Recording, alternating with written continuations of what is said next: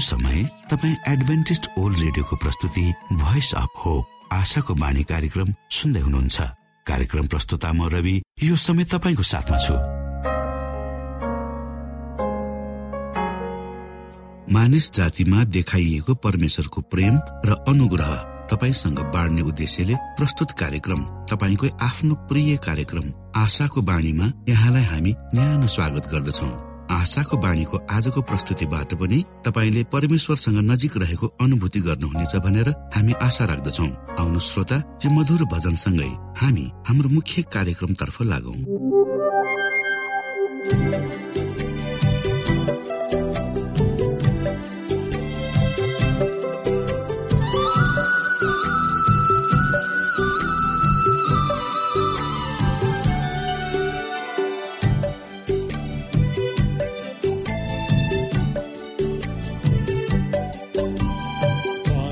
सत्य जीवन माने हो।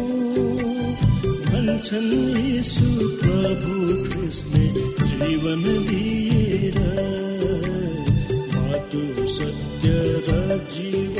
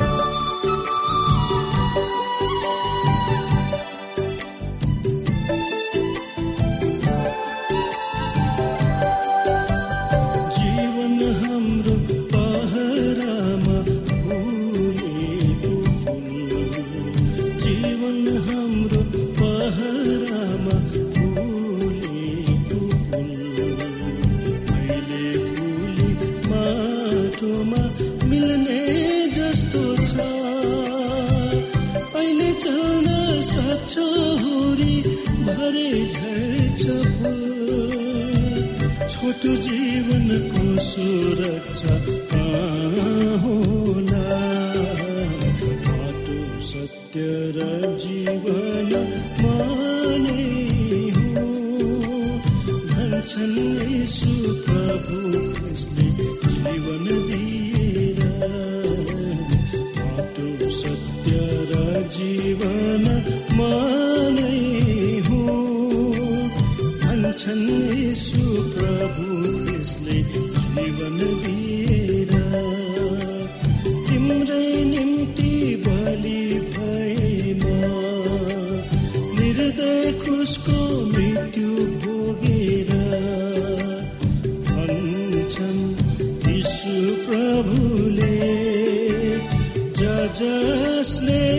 was running.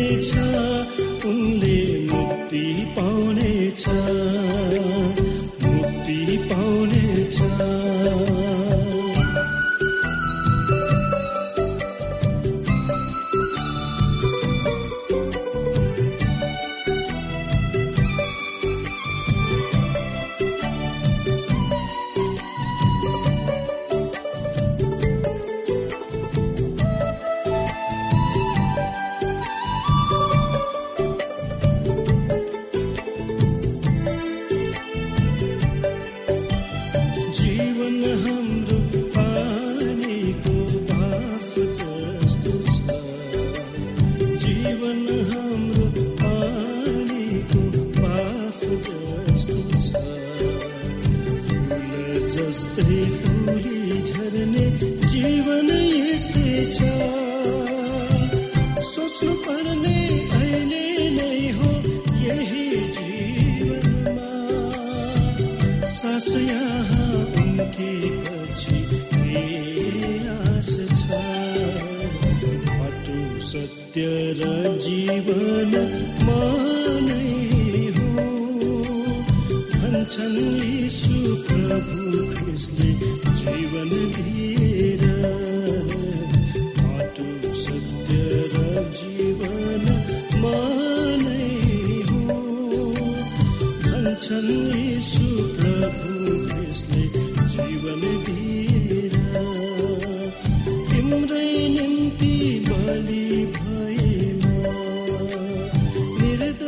यो समय तपाईँ एडभेन्टिस्ट ओल्ड रेडियोको प्रस्तुति भोइस अफ होप आशाको बाणी कार्यक्रम सुन्दै हुनुहुन्छ।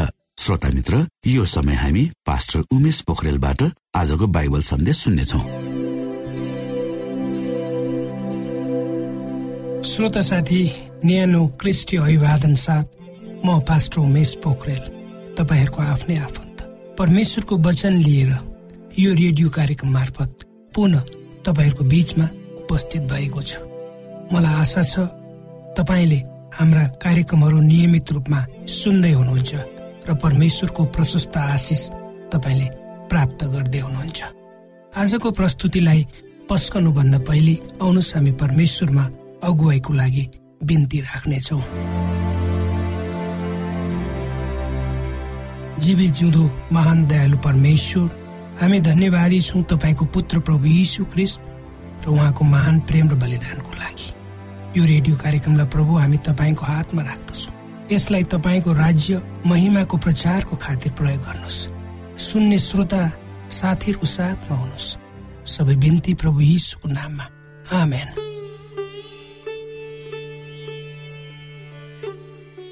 श्रोता साथी परमेश्वरले तपाईँ र मलाई जसरी हाम्रा राम्रा दिनहरूमा प्रेम गर्नुहुन्छ त्यसै गरी हाम्रा नराम्रा क्षण र समयहरूमा पनि प्रेम गर्नुहुन्छ।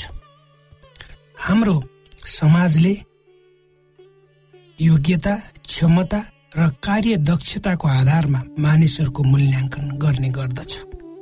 र आज कोही मानिस उसको कार्यक्षमताको आधारमा समाजमा चिनिएको छ भने भोलि त्यो समाजबाट ऊ त्यही रूपमा स्थापित वा सम्मानित नहुन सक्छ। किनकि मानिसको विचार परिवर्तित हुन्छ। र एकपछि अर्को नयाँ बाटोमा मानिस लागिरहने भएको आज ठिक भएको कुरा भोलि नहुन पनि सक्छ। र हाम्रो समाज पनि त्यसरी नै अगाडि बढेको छ। अर्थात् कुनै व्यक्ति वर्तमानमा उसको पदको कारणले सम्मानित हुन सक्छ भने त्यही व्यक्ति उक्त पदमा नहुँदा त्यसको सामाजिक स्तरमा फरक पर्छ। अर्थात् मानिसले विगतलाई छिट्टै भुल्छ वर्तमानमा ऊ जिउँछ र भविष्यको लक्ष्यमा ऊ अगाडि बढ्छ। तर परमेश्वरमा यो कुरा फरक छ। संसारले हेर्ने दृष्टिकोण र परमेश्वरको हेर्ने दृष्टिकोणमा ठुलो फरक छ श्रोता साथी। सायद त्यसलाई हामी हाम्रो सीमित मानवीय सोचाइको दायराले हेर्दा बुझ्न सक्दैनौँ होला। परमेश्वरको नजरमा स्वीकार योग्य हुनु भनेको तपाईँ र मेरो प्रभु यीशुसँगको सम्बन्धमा भर पर्दछ। न कि तपाईँको पद प्रतिष्ठा जुन सीमित समयको लागि तपाईँले प्राप्त गर्नुभएको हुन्छ त्यसमा। तपाईँ र मेरो खातिर परमेश्वरले क्रिस्ट प्रभु येसुलाई हाम्रो माझमा पठाउनु भयो जसलाई पापको विषयमा केही थाहा थिएन जो पाप रहित हुनुहुन्थ्यो। त्यसकारण तपाईँ हामीले उहाँद्वारा जीवन प्राप्त गर्न सकौँ र धर्मी परमेश्वरको उदाहरण हामी बन्न सकौँ। त्यो हाम्रो आफ्नै क्षमता र प्रयासद्वारा नभएर उहाँमा हामी भएर हुन सम्भव भएको। उहाँसँग सही सम्बन्ध स्थापना गरेर मात्र हामी उहाँको गुणहरूद्वारा भरिन सक्छौँ। क्रुसलाई एक नाकाको रूपमा मानौ जहाँ परमेश्वरले तपाईँ र मैले गरेको सम्पूर्ण पापहरूलाई लिनुभयो र प्रभु क्रिस्टमाथि राखिदिनुभयो। जब तपाईँ र मैले आफ्नो विश्वास प्रभु येसु क्रिस्टमाथि राख्छौँ तब परमेश्वरले प्रभु येसुको धार्मिकताको वस्त्र लिएर तपाईँ र मलाई ढाक्नुहुन्छ। त्यसपछि उहाँले तपाईँलाई क्रिस्टद्वारा हेर्नुहुन्छ। तब तपाईँ सबै किसिमका सांसारिक कुराहरू वा नराम्रा कुराहरूबाट स्वतन्त्र हुनुहुन्छ। र तपाईँ र मेरो महत्व त्यसपछि हामीले गर्ने काम हाम्रो योग्यता क्षमता र शक्ति मार्फत मापन हुँदैन। प्रभु येसुसँगको सम्बन्धको आधारमा हाम्रो मूल्याङ्कन हुन्छ। श्रोता साथी प्रभु येसुलाई हाम्रो खातिर मर्न लगाएर हाम्रो जीवनको महत्व परमेश्वरले हामीलाई बताउनु भएको छ। त्यसकारण परमेश्वरले कसैलाई व्यवस्था गर्नुहुन्न। त्यसकारण परमेश्वरले कसैलाई व्यवस्था गर्नुहुन्छ भनेर म विश्वास गर्दिन किनकि उहाँ वास्ताको परमेश्वर हुनुहुन्छ। तपाईँ र मेरो परमेश्वर हाम्रो फिक्री गर्ने परमेश्वर उहाँ हुनुहुन्छ। तपाईँ र मेरो स्वर्गीय पुरस्कार हामी संसारमा रहँदा हामीले गर्ने व्यवहारमा भर पर्छ। त्यो कुरा कहिले पनि हामीले बिर्सनु हुँदैन। जबसम्म यो संसारमा तपाईँ हामी छौँ हामीले असल काम गर्नुपर्छ। तर यी हामीले गर्ने असल कामहरूमा हामी निर्भर वा भर पर्नु हुँदैन। परमेश्वर चाहनुहुन्छ हामीले प्रेमद्वारा सबै असल कामहरू गरौँ। जब तपाईँले यो संसारमा रहँदा आफ्नो अवस्था बुझ्नुहुन्छ अथवा क्रिसको निम्ति तपाईँ को हो भनी जान्नुहुन्छ तब तपाईँ असल कारणको निम्ति सही मार्गमा निरन्तर हिँड्नुहुन्छ। हामीले के गर्दैछौँ? त्यसको आधारमा संसारले हाम्रो स्तर निर्धारण गर्दछ र हामीलाई निरन्तर रूपमा संसारका चिजहरू वस्तुहरू र थोकहरूको आधारमा मूल्याङ्कन गर्ने गरिन्छ। झन् हाम्रो जस्तो समाजमा तपाईँ र मैले कति पढ्यौँ र कस्तो नैतिक धरातलमा उभिएका छौँ त्यसको आधारमा हाम्रो मूल्याङ्कन हुँदैन। हाम्रो मूल्याङ्कन त हामीले कति कमायौँ कतिवटा घर गाडी हामीसँग छन्। त्यसबाट हाम्रो जीवनको सफलताको मापन गरिन्छ। त्यो निश्चय नै राम्रो पक्ष होइन। तपाईँ र म कति इमान्दार छौँ आफूप्रति आफ्नो परिवारप्रति आफ्नो समाजप्रति आफ्नो राष्ट्रप्रति। त्यसको आधारमा जबसम्म मानिसले मानिसको मूल्याङ्कन गर्ने अवस्था आउँदैन तबसम्म हामी लुगा लगाएर नाङ्गै हिँडेका मानिसहरू जस्तै हुन्छौँ। जब तपाईँ र मलाई कसैले प्रश्न गर्छ किन हामी हाम्रा दाजुभाइ दिदीबहिनीहरूले गरेको चाहिँ गर्दैनौँ? त्यसको उत्तर दिन हामीलाई गाह्रो हुन्छ। समाजले एउटा कुरा भन्छ श्रोता तपाईँको विवेकले त्यसलाई मान्दैन। जति जति तपाईँ हामी अरूलाई हेरेर प्रयत्न गर्छौँ अरूसँग आफ्नो तुलना गर्छौँ र त्योभन्दा अगाडि बढ्ने प्रयास गर्छौँ। तर हामी कहिले सन्तुष्ट हुँदैनौँ। किनकि हाम्रा प्रयास र मेहनतहरूका बावजुद हामी जब असफल हुन्छौँ तब हामीले आफूमा भएका कमजोरीहरू थाहा पाउँदै जान्छौँ। अर्थात् आफूमा केही कमी भएको महसुस हामीमा हुन्छ। तर जब तपाईँ र मैले परमेश्वरको निस्वार्थ प्रेम र निश्चयताको भरोसा जान्दछौँ तब हाम्रा जीवनका ओइलाइएका पातहरूको ठाउँमा नयाँ पातहरू पलाउँछन्। र हाम्रा दुविधाहरू हामीबाट भाग्छन् र परमेश्वरको सल्लाहमा हामी अगाडि बढ्दै जान्छौँ। हाम्रो जीवनलाई खुसी आनन्द र शान्ति जस्ता कुराहरूले घेर्दै जान्छन्। तपाईँ र मेरो नराम्रो बानीहरू तबसम्म परिवर्तन हुन सक्दैनन् जबसम्म तपाईँ र मलाई परमेश्वरले प्रेम गर्नुहुन्छ भन्ने कुराको निश्चयता हुँदैन। त्यही कुरा प्रभु येसुले क्रुस मार्फत तपाईँ र मेरो निम्ति सम्भव बनाउनु भयो वा देखाउनु भयो किन उहाँमा विश्वास गर्नु महत्वपूर्ण छ त? किनकि जबसम्म तपाईँलाई आफू येसुको निम्ति कति महत्वपूर्ण छु भनी थाहा हुँदैन तबसम्म हामीले तबसम्म हामी आफ्नो योग्यताद्वारा परमेश्वरलाई चिन्ने र रिजाउने कोसिस गर्दछौँ। प्रभु येसुसँगको तपाईँको सम्बन्ध तपाईँको योग्यता र प्रयत्नमा भर पर्दैन। त्यो त तपाईँको उहाँमाथिको विश्वासमा भर पर्ने कुरा हो। परमेश्वरले तपाईँ र मलाई कहिले पनि दोषी ठहराउनु हुँदैन। उहाँले हामीलाई जान्नुहुन्छ। उहाँले हामीलाई चिन्नुहुन्छ। र हाम्रो हेरचाह पनि गर्नुहुन्छ।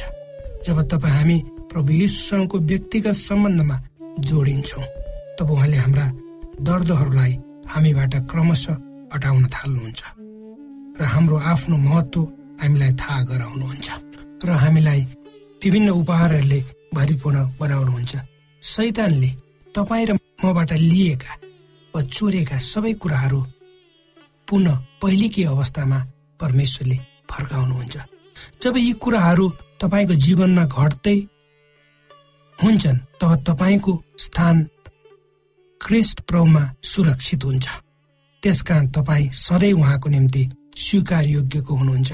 परमेश्वरले यी वचनहरूमा आशिष बाणी।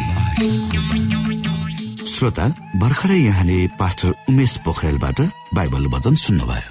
यो समय तपाईँ एडभेन्टिस्ट ओल्ड रेडियोको प्रस्तुति भोइस अफ होप आशाको बाणी कार्यक्रम सुन्दै हुनुहुन्छ। कार्यक्रम सुनेर बस्नुहुने सबै श्रोतालाई हामी हाम्रो कार्यक्रममा स्वागत गर्न चाहन्छौ। श्रोता मित्र यदि तपाईँ जीवनदेखि हरेस खानु भएको छ तपाईँका जीवनमा धेरै अनुत्तरित प्रश्नहरू छन् भने आउनुहोस् हामी तपाईँलाई परमेश्वरको ज्योतिमा डोहोर्याउन चाहन्छौँ। र तपाईँ आफ्नो जीवनका चिन्ता फिक्रीबाट निश्चिन्त हुनुहोस् र बाँच्नुको आनन्द परमेश्वरको सामिप्यमा कति मिठो हुन्छ त्यो चाख्नुहोस् भनी हामी चाहन्छौँ। श्रोता यदि तपाईँ आशाको बाणी कार्यक्रमलाई अनलाइन सुन्न चाहनुहुन्छ वा डाउनलोड गर्न चाहनुहुन्छ भने डब्लु डट एडब्लुआर डट ओआरजीमा जानुहोस्। त्यहाँ तपाईँले प्रत्येक दिनको कार्यक्रम सुन्न र डाउनलोड गर्न सक्नुहुनेछ। हाम्रो वेब पेज यस प्रकार छ W W W dot AWR dot org श्रोता यदि तपाईँ हामीसित सिधै फोनमा सम्पर्क गर्न चाहनुहुन्छ भने हाम्रा नम्बरहरू यस प्रकार छन्। अन्ठानब्बे एकसाठी पचपन्न शून्य एक सय बिस. अन्ठानब्बे एकसाठी पचपन्न शून्य एक सय बिस. र अर्को अन्ठानब्बे अठार त्रिपन्न पन्चानब्बे पचपन्न. अन्ठानब्बे अठार त्रिपन्न पन्चानब्बे पचपन्न. यो आशाको बाणी रेडियो कार्यक्रम हो। म धनलाल राई यहाँहरूलाई यस कार्यक्रममा न्यानो स्वागत गर्दछु। आजको समसामयिक विषयको प्रस्तुतिमा उद्देश्य प्रेरित पुनर्जन्म देश देशभरका आत्मा परिवर्तनका कथाहरू प्रस्तुत छ। स्वीकार्नुहोस् आजको कथा जुली राबो फिजीबाट जब परिवारमा विपत्ति आउँछ।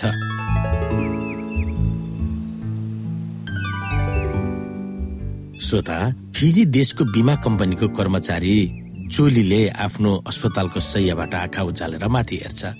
आँखाभरि आँसु झारिरहेकी आफ्नै काकीलाई उसले हेर्दछ। बाबु तिमीले त्यो चर्च छोड्नै पर्छ। त्यस चर्चलाई हाम्रो गाउँमा नल्याउनु।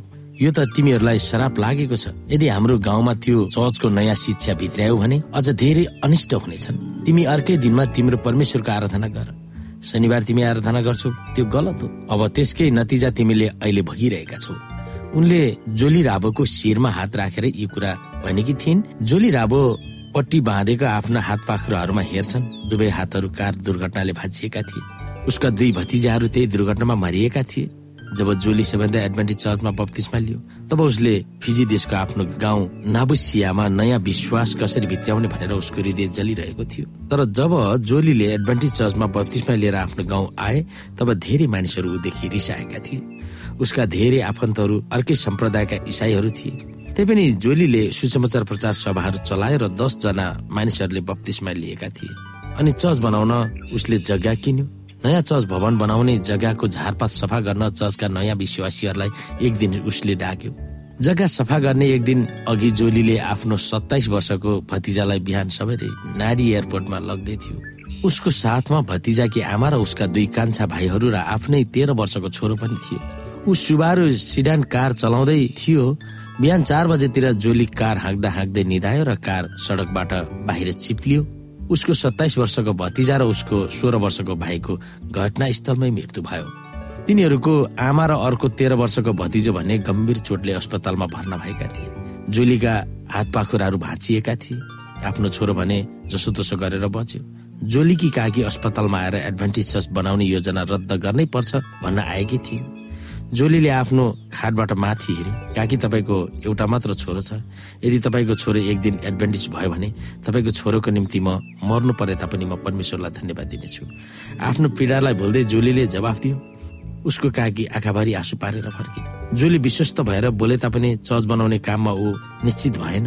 एक महिनासम्मको अस्पतालको बासमा ऊ प्रार्थना गर्दै रह्यो। हे प्रभु मलाई यो थाहा छैन। मैले तपाईँको काम गरिरहेको छु कि छैन? तर जब ऊ अस्पतालबाट निस्क्यो तब चर्च बनाउने कुरामा उसलाई कुनै शङ्का भएन। दिदी एलएनजी भाइटले भने जस्तै उसले यो भन्न सकेको थियो। शहीद बाबेलको समयदेखि परमेश्वरका जनहरूको निम्ति दुःख कष्ट जीवनको अभिन्न भाग हुन पुगेको छ। सत्य परमेश्वरको निम्ति र उहाँका आज्ञाहरू पालन गर्नुपर्दा पुर्खाहरूले धेरै दुःख पाएका थिए।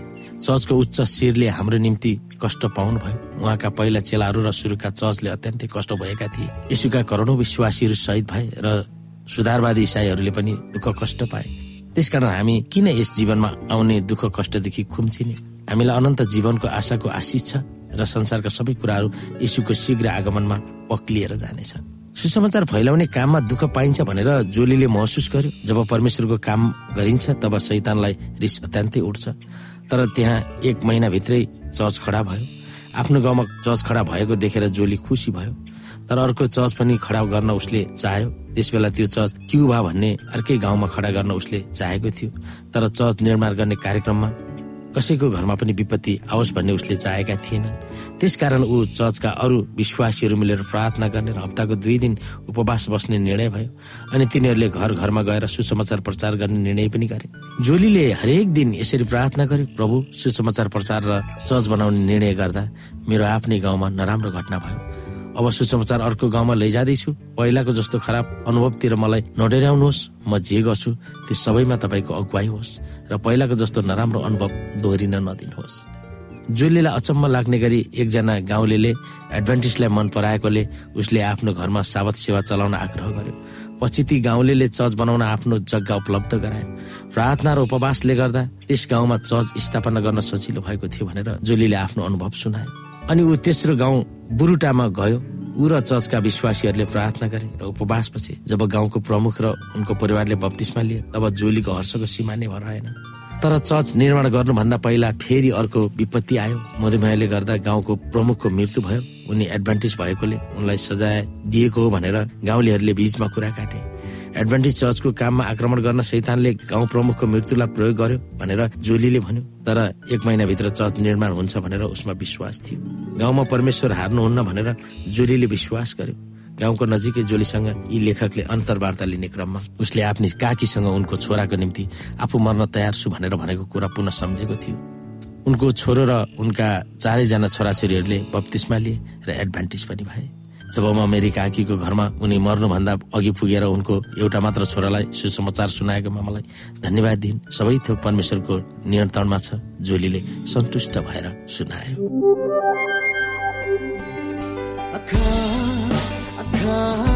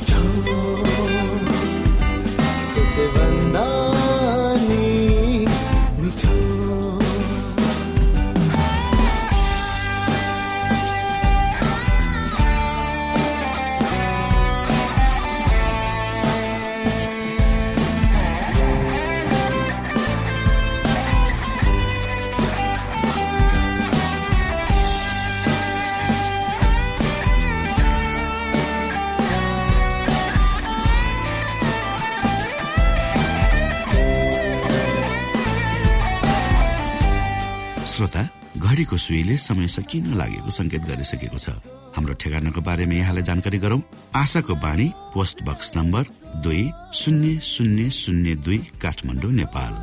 यसै गरी श्रोता यदि तपाईँ हामीसित सिधै फोनमा सम्पर्क गर्न चाहनुहुन्छ भने हाम्रा नम्बरहरू यस प्रकार छन्। अन्ठानब्बे एकसाठी पचपन्न शून्य एक सय बिस। अन्ठानब्बे एकसाठी पचपन्न शून्य एक सय बिस। र अर्को अन्ठानब्बे अठार त्रिपन्न पन्चानब्बे पचपन्न अन्ठानब्बे अठार त्रिपन्न पन्चानब्बे पचपन्न।